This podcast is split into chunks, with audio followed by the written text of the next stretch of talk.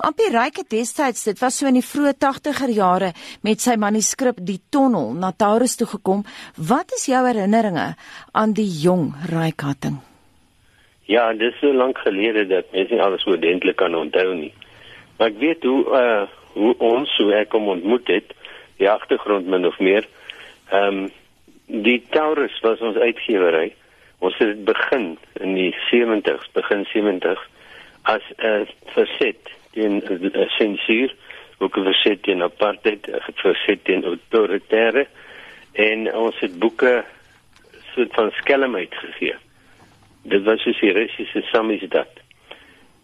En en uh, die radikale jong skrywers van daai tyd het bewus geraak van ons en bewus geraak van wat ons doen en ryk het dan ook na ons toe gekom. En die eerste boek wat hy geskryf het is Die Tonnel wat in 1984 verskyn het. En ehm uh, ja, die tonnel is dan iets wat jy moet deurgaan om aan die ander kant uit te kom om los te kom van uh, sensuur en die dinge. Hmm. Nou, Ryk is ook pas bekroon met die Kyknet rapportprys vir Afrikaanse romans, maar hy's veel bekroon soos jy weet, amper as mens dink aan sing jy van blomme wat met nie minder nie as 5 Vitas bekroon is nie. Hoe sou jy as literator sy werk beoordeel? Wel, ek sou in die eerste plek sê die belangrike ding van sy werk aan die begin was die hele wegbreek idee, die hele uh wegkom van hoe dit sensuur en so voort. Dit het hom natuurlik taamlik nie ontwrig nie, maar as skrywer laat na vore kom omdat hy geweldig goed kon skryf, geweldig goed kon prosa skryf en dan later ook toneelstuk.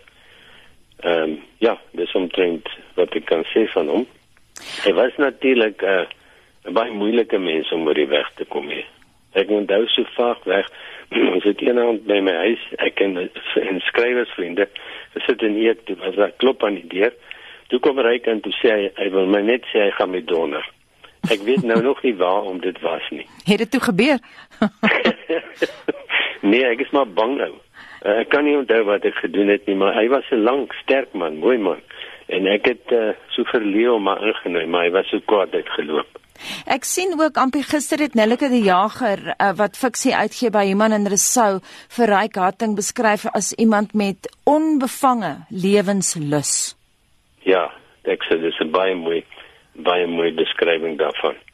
Uh, maar die onbevangenheid het hom natuurlik, ek dink bietjie niks skief getrek nie, maar hom bietjie moeilik gemaak om oor die weg te kom. Ek dink die uh, woede van die tyd was toe Taurus in in uh, Taurus het in die 70er jare begin soos ek gesê het. Maar ehm um, toe Taurus nou 'n soort van ons rolplag gespeel het. Toe het hy en Tini Du Plessis, Tini Du Plessis is nog nie vereer of is nie vereer nie, maar hy was een van ons groep. Hy was eintlik ons uh, druks druksetter en kunstenaar. Toe het hy en Taurus 'n uh, uh, uitgewery begin met die naam van ehm um, kan ek nie meer die naam onthou nie. Maar dit was 'n uitgewerykie hond. Die naam daarvan was hond. Mm. Dit is natuurlik wat duidelik nou. En ek dink uh, later het hy en Tini het uh, iemand het sy Taurus gekoop oorgeneem. En ons het nie geld gevat nie want ons het nooit geld geneem nie want dit sou oneties gewees het. En hy, ek dink dit het iets daarmee te doen gehad met daai oorname.